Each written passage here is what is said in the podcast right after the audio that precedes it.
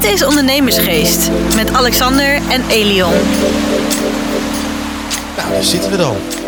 Ja, Op de Zuidas. op de Zuidas. Voor de verandering. Even in eh, mijn appartement op de Zuidas. Ja, het was eh, een paar graden te koud voor het water. Ja, natuurlijk, we zijn geen poesies. Maar aan de andere kant, eh, ja, we kunnen ook gewoon een keer op de Zuidas zitten. Ja, Als ik er nou toch woon, Ja. Hè, onder andere, dan is het natuurlijk ook wel lekker om, eh, om er af en toe eens te zitten. We, eh, we hebben het er vaker over gehad in de podcast. Van je omringt je met jongere mensen. Nou, ik kwam al aanrijden hier. Het, het stikt hier van de, van, de, van de young professionals. Alleen al die hier werken en die hier natuurlijk wonen. Ik stond net met een leuke dame nog in de lift. Eh, ja, nou ja, Zuidas, ja, het, het- dat is wel het imago wat, wat, het, wat het uitstraalt. Ja, dat klopt. Dat klopt. En als ik wel, als ik zeg maar hier bij, beneden bij de Starbucks, ik heb alles bij de hand. Hè. Dat is het mooie van waar ik nu woon. De Starbucks zit er, tegenover de Starbucks mijn huisarts. Naast, nog? naast de Starbucks mijn tandarts. Ja. Albert Heijn. Dus eh, alleen een begrafenisondernemer. maar als ik het zit verderop. Als ik het genoeg zeg, komt hij misschien hier ook al zitten. En die gaat kijken van hoe oud is die vent. Oh jezus, al Die valt wel handel te halen. Ja. Oeh, dat is Ga binnenkort ik hier handel. zitten. Oh, over begrafenis gesproken. Heb jij dat eh, gezien van de Queen Ja. in Engeland? Ja? Ja. Wat vond je ervan? ja, die traditie man, dat is toch geweldig. Kijk, en toen zie, zie ik een dag daarna dat zootje ongeregeld op Prinsjesdag loopt.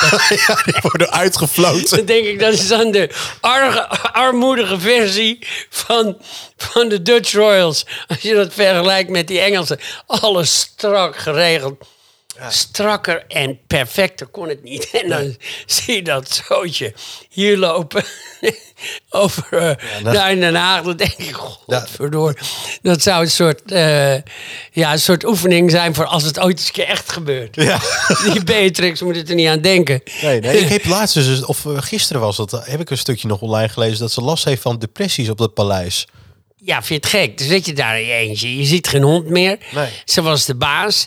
Kijk, dat, dat is met iedereen, weet je. Je hoort toch zo vaak dat mensen een, een burn-out hebben.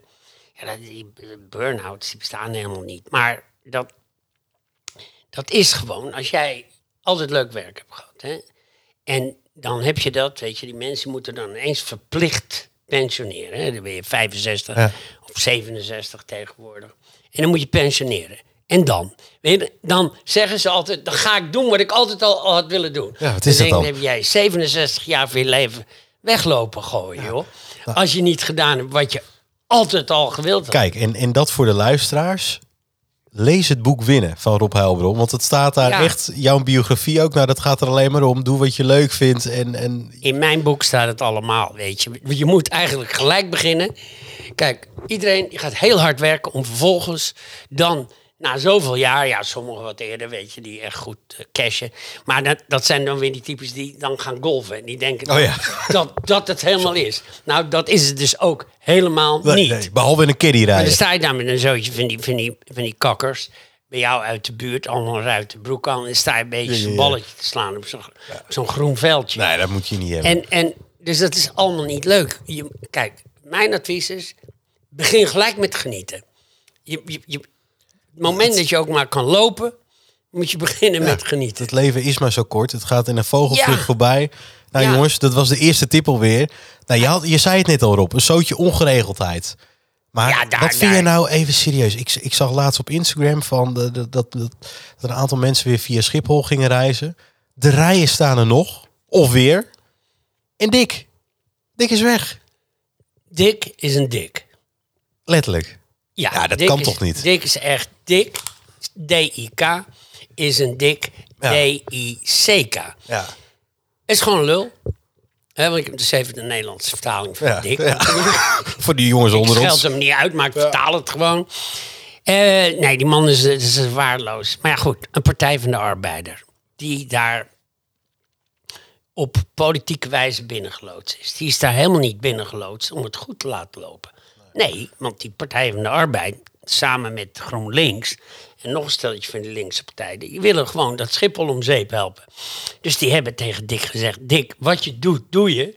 Maar het moet in de soep lopen. Het moet helemaal fout gaan. Want we willen dat Schiphol, dat moet kleiner worden, dat moet minder macht hebben. Er moeten niet meer zoveel vliegtuigen tussenstops maken. Het moet gewoon een lokaal vliegveldje worden, net als. Brussel of Düsseldorf, weet je. Ja, ja. Maar dat mag niet die hub zijn die Schiphol natuurlijk eigenlijk was. Hè? Ja.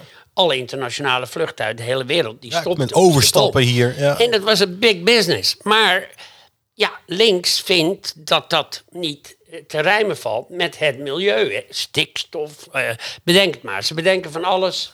Ja. Ik heb net naar de algemene beschouwingen zitten kijken. Ik heb naar Geert Wilders geluisterd. Ach, ik heb genoten. Ja. Maar goed, dat, dus, dus Dick Benschop, die misschien ooit wel eens iets gekund heeft, die zat daar gewoon een beetje net te doen alsof hij het niet kon, alsof hij het niet onder kon. Nee, dit was gewoon een opdracht van, van Partij van de Arbeid en die andere linkse rakkers om dat hele Schiphol in de soep te laten lopen. Kijk, dat hoor je nooit. Maar dat is de werkelijke reden. Want even voor de, voor de luisteraars eh, onder mijn leeftijd. Dick Benschop, dat is een oud PvdA, Kamerlid geweest of dergelijke? Of, of, Ja, of lid ja. geweest van die partij? Ja, dan moeten we hem even googlen. Maar wat, ik, weet, ik, ik heb zo weinig interesse in die man. Maar hij Ja. komt uit de PvdA. Hij heeft een aantal bestuursfuncties gehad. Welke weet ik niet. Als ik het had willen weten, had ik hem gegoogeld. Maar Ja. ik vind hem zo onbelangrijk. Het blijkt ook wel, weet je, met onze man. Nou ja, goed. Uiteindelijk he- heeft de Partij van de Arbeid natuurlijk gezegd... die dikke daar in eh, Brussel, die eh, Timmermans, heeft gezegd... Dick, ja, ga nou maar. Weet je, doe maar net alsof je het allemaal niet meer aan kan. Nee, ze hebben gewoon een, een jaar lang de boel lopen traineren... met, met de bedoeling om Schiphol kleiner te maken. Minder belangrijk te maken. Het is positie- gelukt. Het is gewoon gelukt. Ja.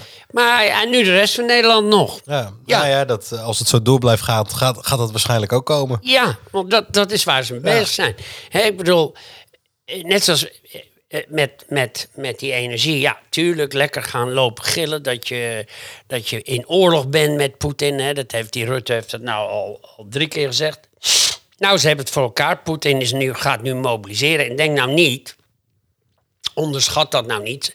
Rusland mag er wel een, een, een, beetje stuntel overkomen met dat leger. Maar ja, uiteindelijk hebben ze wel kernwapens. Dus gaat nou niet nog verder op de spits drijven. Dat, dat gebeurt er gewoon. Het eerste wat ze doen is, ze schieten dat, die kernreactor daar in de Oekraïne plat. Ja. Nou, Dan heb je al een probleem. als je oostenwind hebt, dan, Exact. dan, dan vliegen de radioactieve deeltjes hier zo het raam jij- binnen. Jij weet het nog wel met Tsjernobyl. Tsjernobyl, natuurlijk. Het, het heeft heel Europa ongeveer vergiftigd. Ja. Dus die Russen deinzen daar echt niet voor terug. Dus eh, kijk, Europa die loopt maar te treiteren, te treiteren. Maar er zijn precies twee landen die de Russen aankunnen. Dat is eh, Toch niet Biden, hè? Uni- nee, nee, Biden zelf niet.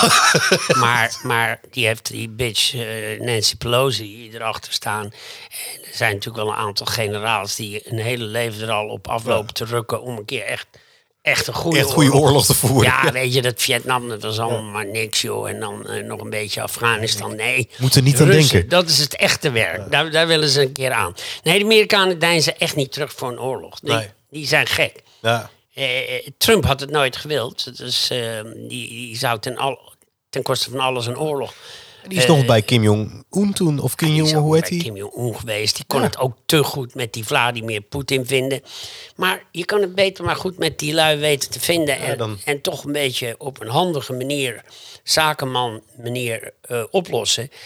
Dan dat je die confrontatie zoals Ja. die nu steeds verder uit de klauw loopt. Nee, dat klopt. Nou ja, dat is precies wat je omschrijft. Verder uit de klauw lopen. Ook wat er nu met Schiphol gebeurt. En Dat is, maar Schiphol eigenlijk... is, eh, durf ik gewoon te zeggen, is gewoon bewust. Ja. Eh, Iedereen laat in de steek. over. Maar eh, KLM durft het waarschijnlijk niet te zeggen, want dan hebben ze echt, ja, dat is... echt iets heel naars gezegd. Maar weet je, KLM, ik zeg het wel voor jullie. Ja. Die eh, Partij van de Arbeid en, en zijn linkse vriendjes, die hebben bewust Schiphol om zeep geholpen. Want ga me nou niet vertellen dat het 100 jaar goed kan gaan. En nu ineens allemaal niet meer. Nee. En dan, ja, we hebben geen personeel. Nee, dat, dat, dat is hetzelfde als met, met die corona. Daar, daar hebben ze ook misbruik van gemaakt om hun linkse drammerigheid te vergroten. Weet Ja. je? Want even in die coronatijd, je denkt dat je net de corona achter de rug hebt, dan creëren ze gewoon een stikstofcrisis. En ze creëren een huizencrisis. En, en ze, ze creëren een, Olie, uitkeringencrisis. Ja. En een gascrisis. En dan hebben we het gas. Hè, er, ligt, er zit heel veel gas in die grond bij ons in Groningen. Daar verkopen ze nog heel veel, of daar halen ze nog heel veel uit de grond. Maar dat verkopen ze in Duitsland. Die het vervolgens eh, goedkoper aan hun burgers verkopen dan waar wij het voor inkopen. ja, dat is toch... De- de- dus Nou, zij snappen het. Ja, nou ja, dit, dit, dit is, allemaal, wordt allemaal bewust gedaan. Want je gaat mij niet vertellen dat, dat je dit niet doorhebt. Nee. Dit gebeurt bewust. Ja. En dat is alleen maar om, om ons dus verder van het gas af te krijgen. Dus van laat ons alvast maar winnen. Ja, maar, ja, maar jullie hebben toen ook die winter, weet je, met die oorlog. Toen hebben jullie toch ook in de kou gezeten? Nou, was toch niet zo erg? Nee. Dat is waar ze mee Ja. bezig zijn. Ja, ik vind het wel eng om daar eh, verder over na te denken. En ik vind het ook wel.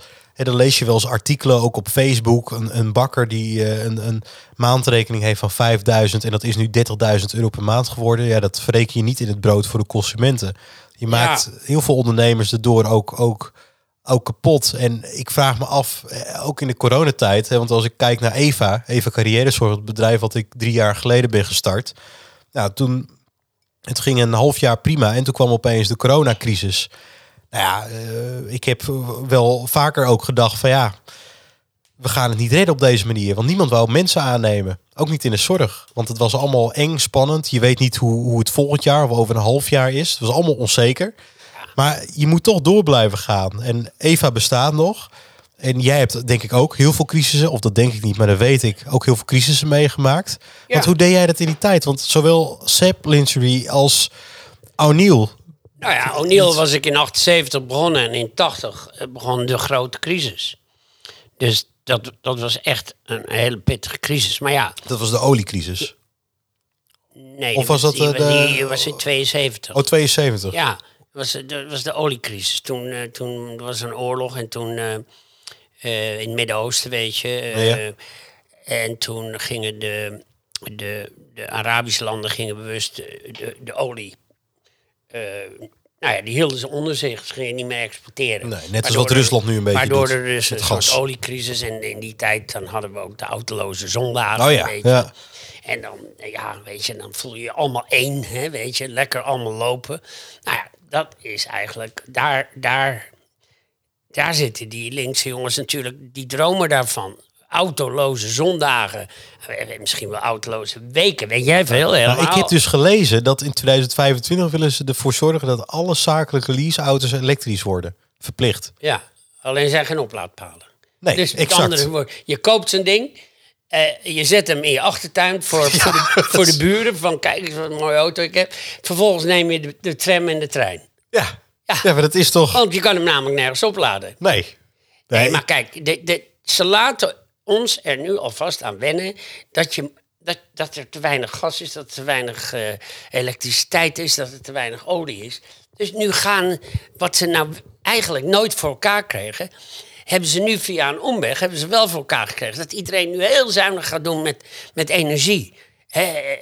Eén minuut onder de douche. Ja, eh, koud douchen. Ja, nou, koud dan moeten ze allemaal naar. Alexander En- luisteren met de IJspiratie podcast. Had, hij zei het vandaag. Hij heeft een Oh, ja? andere podcast, IJspiratie. En ehm, eh, hij heeft het daarover kou- kou- koude training, et cetera. Hij neemt ook wel eens ijsbaden en noem maar op. En hij vertelde al, eh, zijn moeder luistert er ook naar, en vele anderen ook. En die gaan nu ook koud douchen. Nou, alleen maar beter. Ja, hartstikke gezond. Joh. ja, dat is nou, eh, je ziet het, hij staat gewoon op eh, 21 hier hoor. verdorie. hé. Ja, hij staat gewoon op 21. Eigenlijk is het niet nodig, maar ik ga een beetje mee met de buitentemperatuur. Ja. Want het is helemaal niet koud buiten. Nee. En dat hopen ze. Kijk, en wat er, wat er nu gewoon geflikt wordt, is dat iedereen nu weer bang gemaakt wordt. Net als met die corona. Iedereen wordt weer bang gemaakt. Ja, er is direct geen, eh, geen brandstof meer. En je kunt, we hebben geen gas meer. En de Sovjetten, die zegt dan ook nog... Het wordt nooit meer zo goedkoop als het ooit was, zegt hij. ja, dat is toch... Die, die klein ettertje die van die Sigrid Kaag een beetje ministertje mag spelen, die gaat dan zeggen: het wordt nooit meer zo goedkoop als het was. Nou, dat kan ik je wel vertellen. Met die oliecrisis hadden we de hoogste olieprijzen aller tijden. En eh, eh, tien jaar later eh, kon je een vat olie kopen voor 25 dollar. Nou, dat is toch... Dus weet je, Ken je geschiedenis? je wordt continu word je opgenaaid. Als het, als het niet door een zootje Arabieren is die eh, de olie niet aan je willen verkopen, dan is het wel eh, eh, Rusland. met de gas. Kijk, het is natuurlijk al heel dom. Kijk, er is nooit een supergoeie verhouding met Rusland geweest. En dan ga je als Europa, en daar krijgt Angela Merkel nu gewoon keihard de schuld van, ga je je voor 90% afhankelijk maken van Russisch gas en olie. Het is je vijand waar je net, net de Koude Oorlog mee afgerond hebt. Je, bent- je, bent- je bent amper klaar met de Koude Oorlog. Die muur is omgekukeld. En dan ga je, ga je tien jaar later ga je van die vijand, die vroegere vijand, ga je olie kopen. En die vroegere vijand, die denkt zo... Kijk eens hoeveel olie ze bij ons kopen. Oh jezus, ze zijn wel voor 60, 70, 80, 90 procent. Duitsland, 90 procent afhankelijk van Russische, eh, Russische gas en, en olie. Dus wat, denk, wat denken die, die Russen dan? Zo, die hebben we in de pocket. Want als het ooit een keer weer ruzie wordt, Exact. wordt, Gooien we die kraan dan dicht. gooien we die kraan dicht. Wat ze ook hebben en gedaan dat is en dus doen. wat ze nu gedaan hebben. Ja. En zijn we gewoon de lul. Hè? Of de dik. Om een beetje, Ja, een precies. beetje bij, We eh, lopen gewoon weg. Een beetje bij Van Benschop in de buurt Ja. te blijven. En als het dan allemaal niet meer lukt, dan lopen ze weg. En dan geven ze, weet ik veel, rechtse mensen de schuld. Nou, ik heb vandaag die Geert Wilders gehoord. Nou, er was geen woord gelogen hoor. Jezus man, wat ging die tekeer tegen ze allemaal. Maar die heeft ook gewoon gelijk. Die is de enige die het ziet. Maar ja, dan vinden ze Geert Wilders vinden ze natuurlijk onfatsoenlijk. Ja, hoe die man het allemaal zegt over hoofddoekjes en dingen. Dat. Ja, maar god, die man die heeft gewoon gelijk. Nu hebben ze in Velsen Noord hebben ze weer een heel groot eh, passagiersschip uit eh, Tallinn. Het is het Tallinn, dat is Latvia geloof ik. Hè? Ja. land. Ja. Ja, gigantisch groot passagiersschip. Dat ding dat vaart natuurlijk niet, want alles wat nu zeg maar eh, in de buurt van Rusland moet varen, is natuurlijk levensgevaarlijk. Ja. Want daar kan je geen cruiseschip meer langs. Nee, die, dat- die Russen die laten altijd wel een raketje de verkeerde ja, ja, kant uitvliegen, ja. weet je. MH17, maar een klein voorbeeld Precies. te noemen. Dus die, die cruiseschepen die kunnen geen kant op. Dus hebben ze zootje van die, van die, van die ehm, eh, Baltische Staten cruiseschepen hebben ze hier naartoe gehaald. Er ligt er nu één bij Velsen Noord. Ja, daar kunnen gewoon duizend man op. En, en die gaan er ook op ook. En die worden helemaal mooi ingericht. Die hebben warme douches, die hebben lekker te eten. Oh, dat kan nog. Ze krijgen zakgeld. Ook nog. Ja, ja, natuurlijk. Eh, kijk, ik begrijp niet dat jij nu... Ben jij al officieel de status Nederlander? Sinds gisteren. Nee, nee, nee, ik ben hier gewoon geboren. Oh, nee, we ja, zitten te nee, dollen. ik, dacht even, nee, ik dacht even dat jij ook gewoon eigenlijk een asielzoeker was. ik bleef, maar ik bleef gewoon aardig, hè? Ja, nee, tuurlijk. Ja, nee, maar ik kan er ook wel tegen, hoor. Ja. Ik lach net zo hard mee. goed, je zou toch, godverdomme, je paspoort wegpleuren. Eh, weet je, met een bootje voor de kust van Scheveningen of Zandvoort gaan liggen. eh, je haar zo, een beetje zwart verf, een baardje laten staan. Een beetje slap lullig, geen, geen verstaanbare taal. En voordat je het weet heb je een huis, eh, een inkomen, zorg, Gas. warme douche. Ja. Alles heb je. Ja, ik ik vind het soms kijk, wij maken er geintjes over, maar het is wel... Kijk, er bestaan natuurlijk wel altijd, eh, hè, nu, nu ook met Oekraïne en dergelijke, zijn ook, ook een aantal Afrikaanse landen waar ook echt oorlog is, wat echt in mijn optiek vluchtelingen zijn. Ja. Maar het, ja, het kan, zou wel wat beter geregeld kunnen Nou ja, worden. Er zijn natuurlijk ook wel vluchtelingen. Kijk, die Ja. vluchtelingen, die, die 70.000 Oekraïners, daar heb je niks van gemerkt. Nee? Maar waarom merk je daar niks van? Kijk, die Oekraïners, het zijn, eh, die komen uit, on- uit onze geloofsfeer natuurlijk, christenen. Eh, ja, zijn wit, net zoals wij, dus eh, blond, blauwe ogen. Valt allemaal niet op. Ja, klinkt een beetje racistisch als ik het zo vertel, maar het is natuurlijk wel zo. Er zijn gewoon 70.000 Oekraïnse vluchtelingen, merk je niks van. En die paar duizend die daar in, in zitten, ja, dat wil, die willen ze niet hebben, want die komen uit Syrië. Die komen uit veilige landen als Marokko, Tunesië, Turkije. Algerije. Nee, Turkije niet. Eh, Heel Ik heb een aantal gezien. Ja, als het Turken Ja. zijn, zijn het Koerden. Oké. Die, die probleem. En die hebben ook. Die kun je ook rustig van me aannemen. Die hebben, sommige Koerden hebben serieuze problemen. Dus die, nou ja, oké, dat kun je overwegen. Maar dan komen ze dus ergens vandaan vluchten. Ze gaan door, ik weet niet hoeveel veilige landen heen. Maar uiteindelijk, het eerste land waar ze erheen komen, nou, dat is dan, ligt dan meestal het meest oost. Dat zou eh, Roemenië, dat zou... eh, Macedonië, die kant op. eh, eh, Oostenrijk kunnen zijn, eh, waar ze niet in komen. Eh, Hongarije, waar ze niet in komen.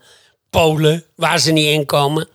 Want die willen dat niet. Die willen geen eh, eh, zogenoemde vluchtelingen, nou ja, noem het maar gerust, gelukzoekers uit Arabische landen. Dat willen ze gewoon niet hebben. Dus die zeggen, eh, ga jij maar eh, een land verder. Nou, dan komen ze in Duitsland, waar ze eigenlijk wel welkom zijn. Maar die Duitsers, je zal, zal het er nog verbazen sinds Merkel weg is, zijn die uitkeringen heel laag geworden. En dat weten ze. Nou, het land waar het het makkelijkste is en waar je de hoogste uitkering krijgt, is Nederland. Waar je een huis krijgt, waar je alles krijgt. Dus kiezen ze van al die landen waar ze eigenlijk asiel hadden moeten aanvragen. Want de wet is van het eerste land waar je in, zeg maar, in Europa binnenkomt, is ook het land waar je asiel moet aanvragen. Nee, dat doen ze niet. Ze hebben lang op hun iPhone, nieuwe 14 trouwens. Oh. Die hadden ze al voordat jij man. Shit.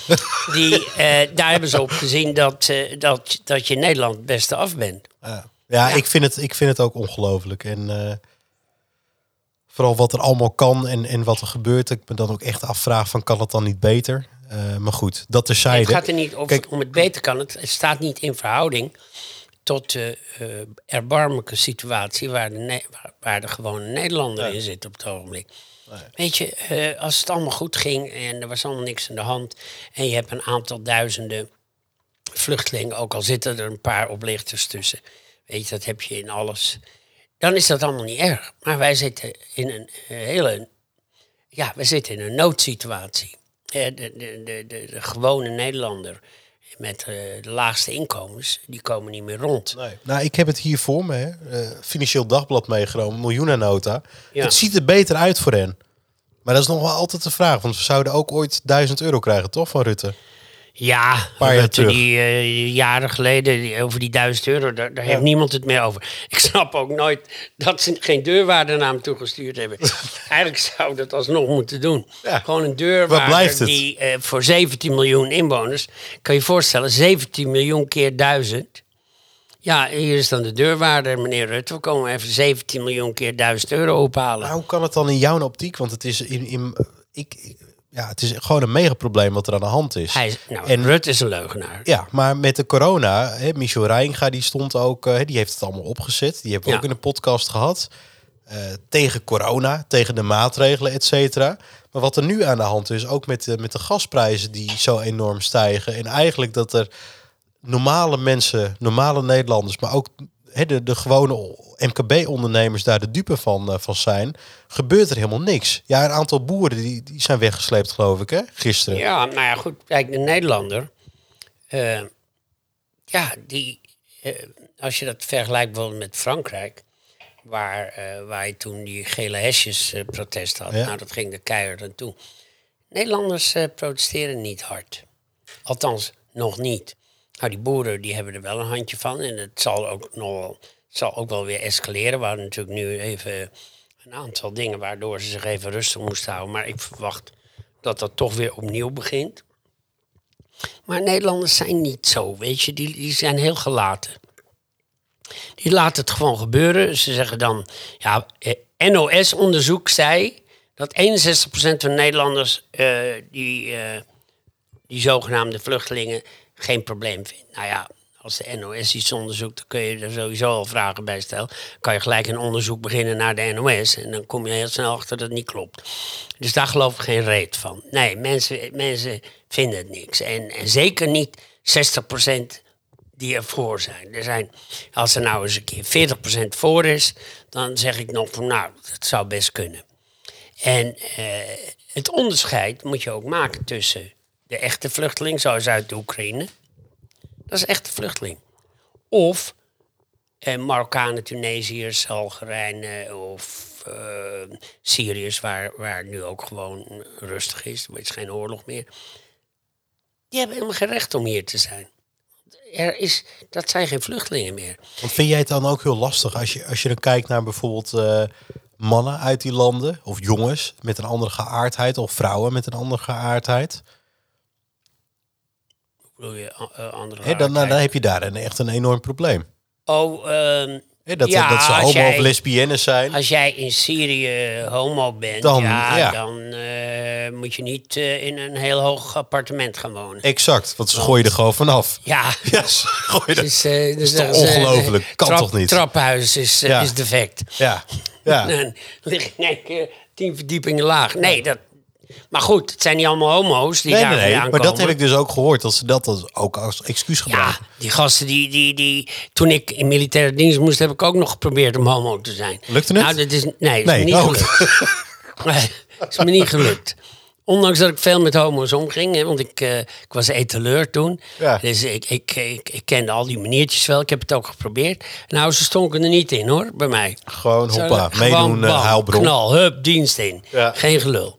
Ja, dus, dus, maar die gasten, ja, die, die proberen alles om hier te blijven. Dat maakt, maakt ze echt geen reet uit. Hey, en nog even terug naar Dikkie. Dik. Ja, Onze dik. Ja, onze. Niet dik PvdA advocaat, Dick, maar dik, eh, dik Benschop. Kijk, Chri- Schiphol is natuurlijk een immense operatie. Al helemaal hoe dit nu ooit goed moet gaan komen. Maar hoe, hoe had hij het in, in jouw optiek beter kunnen doen? En dan zonder te kijken naar dat hij van de PvdA is of wat dan ook. Nou, Maar als een betere Kijk. ondernemer. Nee, Dick is daarheen gestuurd om het fout te doen. Dus Dick is nooit daarheen gestuurd met de bedoeling om het goed te doen. Dit was gewoon vooropgezet opgezette truc van, eh, van de linkse. In ieder geval in dit geval de PvdA, maar die werken heel nauw samen met GroenLinks en een. Om dat schip, om het juist wel fout te laten gaan. Want daardoor moet, zal Schiphol moeten zeggen ze, zie je wel, die kunnen die mensen stromen helemaal niet meer aan. Dus we moeten inkrimpen.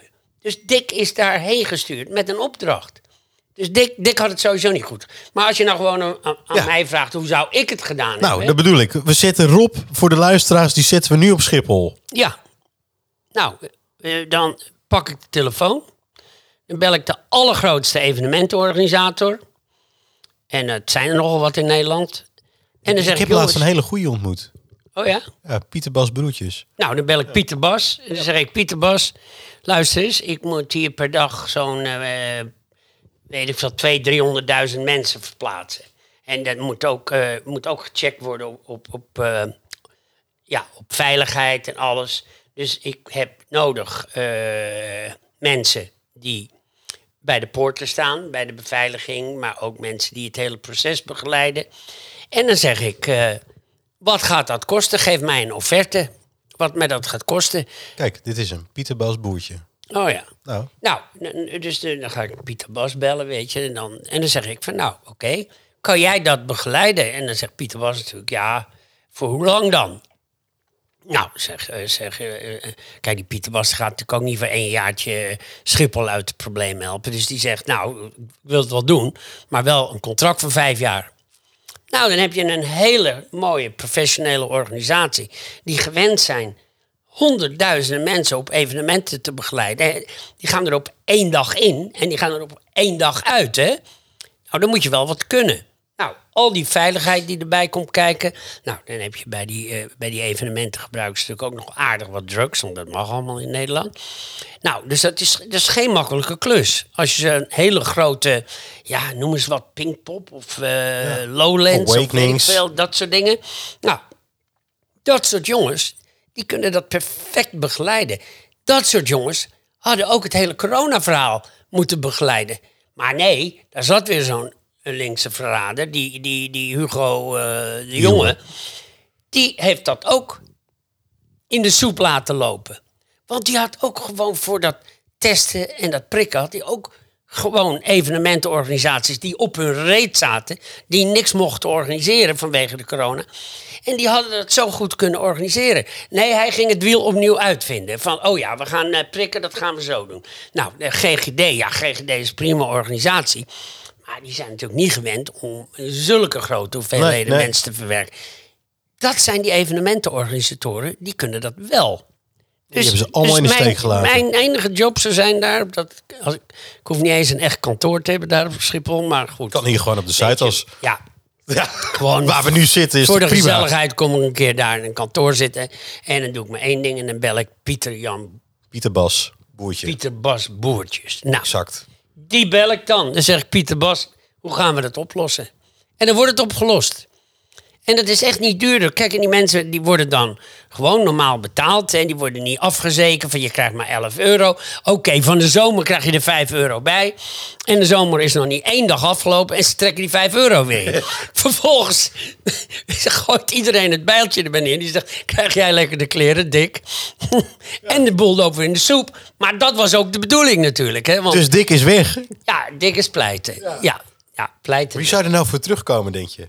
Nou, ze willen die idioot, ze willen natuurlijk nog een linksere, nog een grotere gek neerzetten. Alexander Pechtold.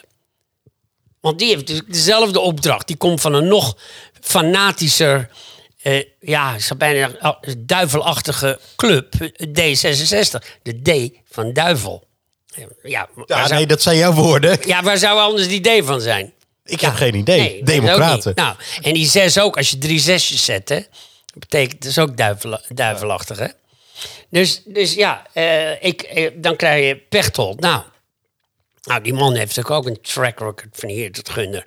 Zal, zal gelijk beginnen met al die stewardessen aan te randen en weet ik veel. Zal wel weer via een omweggetje een leuk penthouse scoren in de buurt van Amsterdam. Wat hij ook in Den Haag gekregen heeft van een vriend Exact. ja. een Canadese vriend. En die man moet het dan gaan doen. Die gaat het dan ook allemaal weer opnieuw doen. Die gaat dan zelf mensen aannemen. eh, mensen recruteren. Terwijl gewoon organisaties zijn in Nederland die dat allemaal al een keer geleerd hebben. En die doen dat al 20, 30 jaar, die grote evenementen. Dus huur gewoon die mensen in. Die kunnen het perfect. Die weten precies hoe het werkt. Die weten hoe de veiligheidspoortjes werkt. Die weten hoe het fouilleren werkt. Die weten alles. En dan heb je helemaal meneer Pechtold niet nodig. Maar ja, Pechtold moet natuurlijk ook weer een, een erebaantje hebben. Nou, ik denk dat we dit moeten delen met Pieter Bas. Dat gaan we ook doen. Ken je hem persoonlijk? Nou, ik heb hem ontmoet. Ik ga Oh, hem naar nou. toesturen. Ja, ik nou. ga de podcast aan Ja, toesturen. nee, stuur die podcast Ja, maar op. ga ik doen. En het eh, laatste waar ik nog wij, even- Wij krijgen wel een eh, commissie, hè? Nou ja, jij bent dan de baas daar, hè? Oh ja, ik ben de Ja, Ja, ja, ik- dan moet ik commissie Oh krijgen. ja, jij, ja. Ja, oh ja, ik ben de baas. Ja, sorry. Ja, nee. Nee, dat is Hey, goed. nou. Ja, nee, Ja. want ik moet er ook, natuurlijk ook wel een beetje wijzer voor worden. En ik ga ook niet in dat Schiphol om een gigantisch salaris vragen. Ben je gek? Eh Dikkie, hè, pleite Dik, die kreeg iets van vijf ton salaris. Op jaarbasis. Ja, om de boel te laten mislukken. Nou, dat... Dat geloof je toch niet? Nee. Ik doe, ik, ik, ik doe het voor de helft. En dan, eh, en dan, en dan, eh, dan, ja, lever ik gewoon de helft van dat salaris in. Alleen al om te zorgen dat die evenementenorganisator eh, een voldoende budget heeft om, eh, om zo'n operatie te runnen. En dat kunnen ze.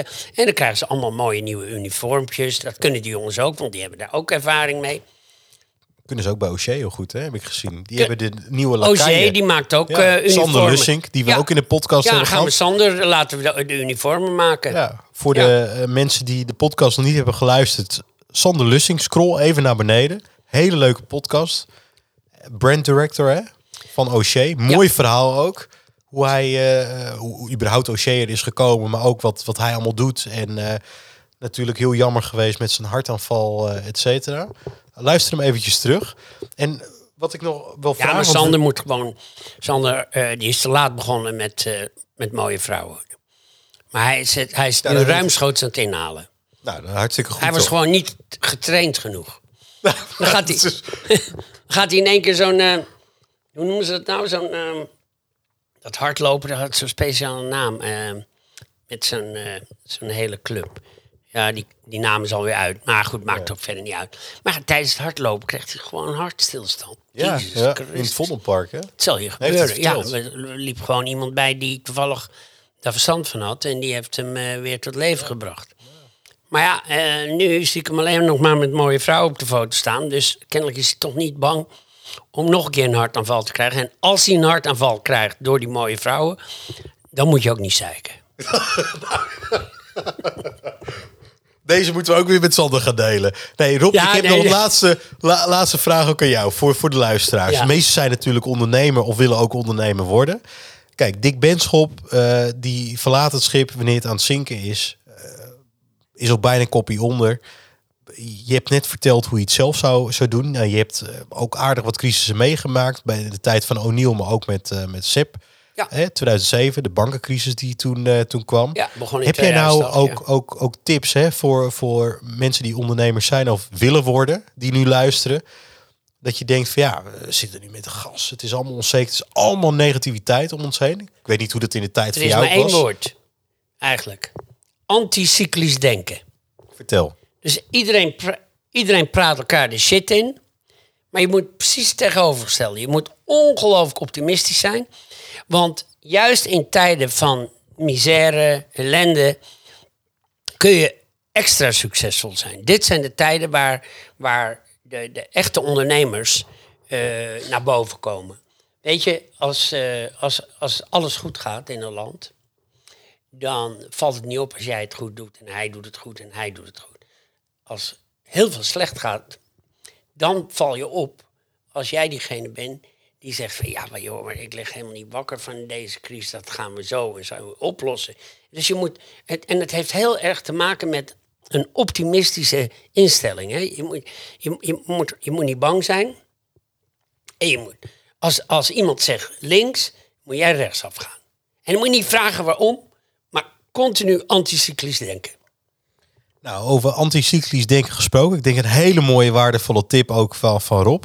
We zijn door Cheryl Prins uitgenodigd voor het 25-jarig bestaan van de Johan Cruijff Foundation.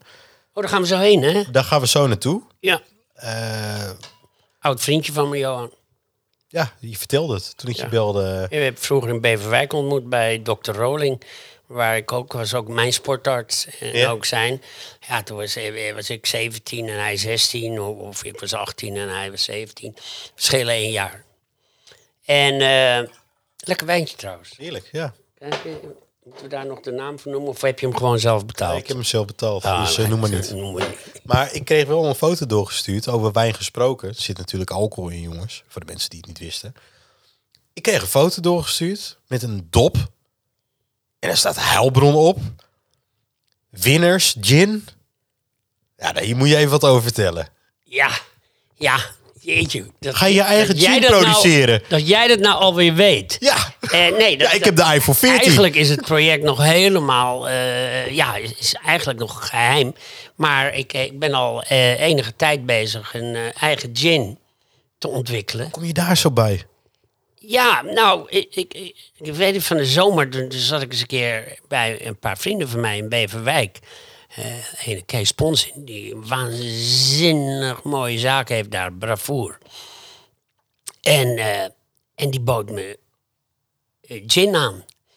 En eh, ze hadden een eigen merk gin en er stonden nog een paar andere mer- merken gin, waaronder Bobby's Gin, dat schijnt heel bekend te zijn. En Hendrix, allemaal merkjes die door de jaren eh, recent ontwikkeld zijn. Maar ik had zelf natuurlijk ook al eens een keer lopen nadenken, want ik vond dat hele gin, dat hele gin-cult, want daar kun je rustig van, van spreken. En toen dacht ik ineens, ja, toen ik ook dat boek Winnen uitgebracht had, en ik dacht, Winners Gin. Ja, iemand, dat is voor winners. Nou, dat heb ik eh, flessen al laten ontwerpen en alles. En die liet ik toen aan Kees zien. En Kees zei, god, dat ziet er leuk uit. Daar moeten we wat mee doen. Nou, ik ben net eigenlijk een beetje rondgekomen met hem om, om samenwerking aan te gaan. Want zij hebben eh, het eh, drankatelier. Zij ontwikkelen heel veel dranken. Naast die mooie horecazaak die ze hebben, Bravoer. Die wil ik in de podcast. Ja, ja, dat is echt heel leuk hoor. En, ehm, en wij gaan nu eh, samen dat ontwikkelen. En ik heb, eh, ik heb zelf twee partners nog erbij. Waar, eh, waar ik dat mee ga doen. En, en Kees en zijn partner eh, Gerard. Die gaan het, gaan het gin ontwikkelen. Omdat ze dat eigenlijk al doen voor een aantal merken. En die gaan de, de bottling doen, de labeling doen, de opslag doen en de distributie. Want dat is ook belangrijk, je moet ook verkopen. Daarnaast komt het ook in allemaal top horecazaken te staan, waaronder eh, Bravoer. Dus dat, dat, wordt, dat, wordt, ja, dat wordt heel erg leuk. Ja, super. Dus dat, ja, er komt, Ik denk dat wij, de luisteraars, als ik voor, ze, voor jullie mag spreken, ernaar uitkijken wanneer het is. En als het er is, dan moeten we zeker Winners Gin komt in het voorjaar. opnemen. Eh, in het voorjaar komt Winners Gin op de markt. Kijk. Mag ik hem testen?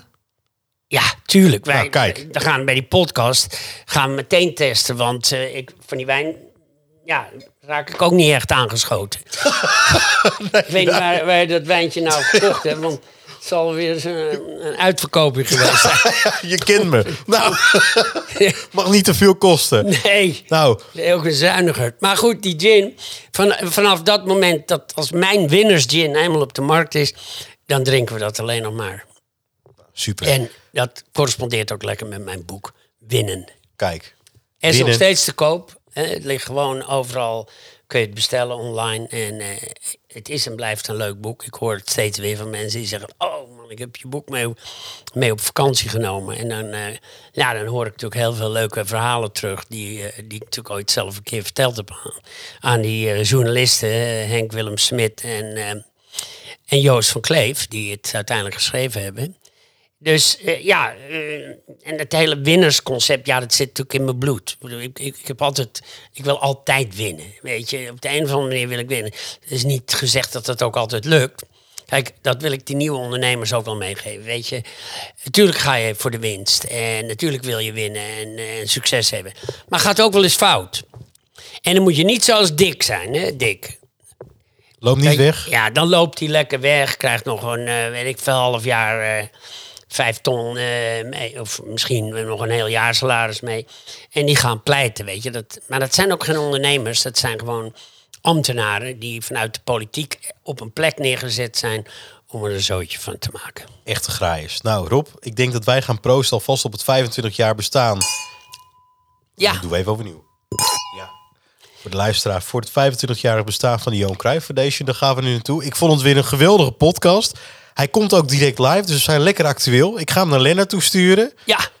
Heb je er zin in? Naar de ja. arena? En gooi dat leuke filmpje er nog even bij. Ja, ja, gaan ja, we doen. Ja, van Gaan de vorige doen. keer, weet je. Want eh, ik heb daar niet voor niks lopen acten natuurlijk. Dus Precies. Luisteraars, Superstar. we zijn er volgende week woensdag weer met een nieuwe podcast. Eh, Alexander die is nog lekker op vakantie, dus ik denk dat ik hem weer doe. Nou, misschien weer met Rob.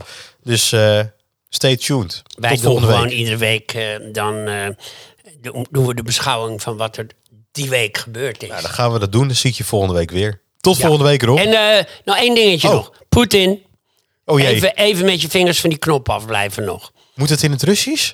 Ja, maar dat weet ik niet. Moet Oh, ik even shit. de vertaling opzoeken. Ja, nou, maar weet je, hij heeft overal zijn spion zitten, dus die verstaan het wel. Hij moet even rustig blijven. Is Komt goed. allemaal goed. Blijf rustig. Oké, tot volgende week. Dit was Ondernemersgeest. Bedankt voor het luisteren en tot de volgende keer.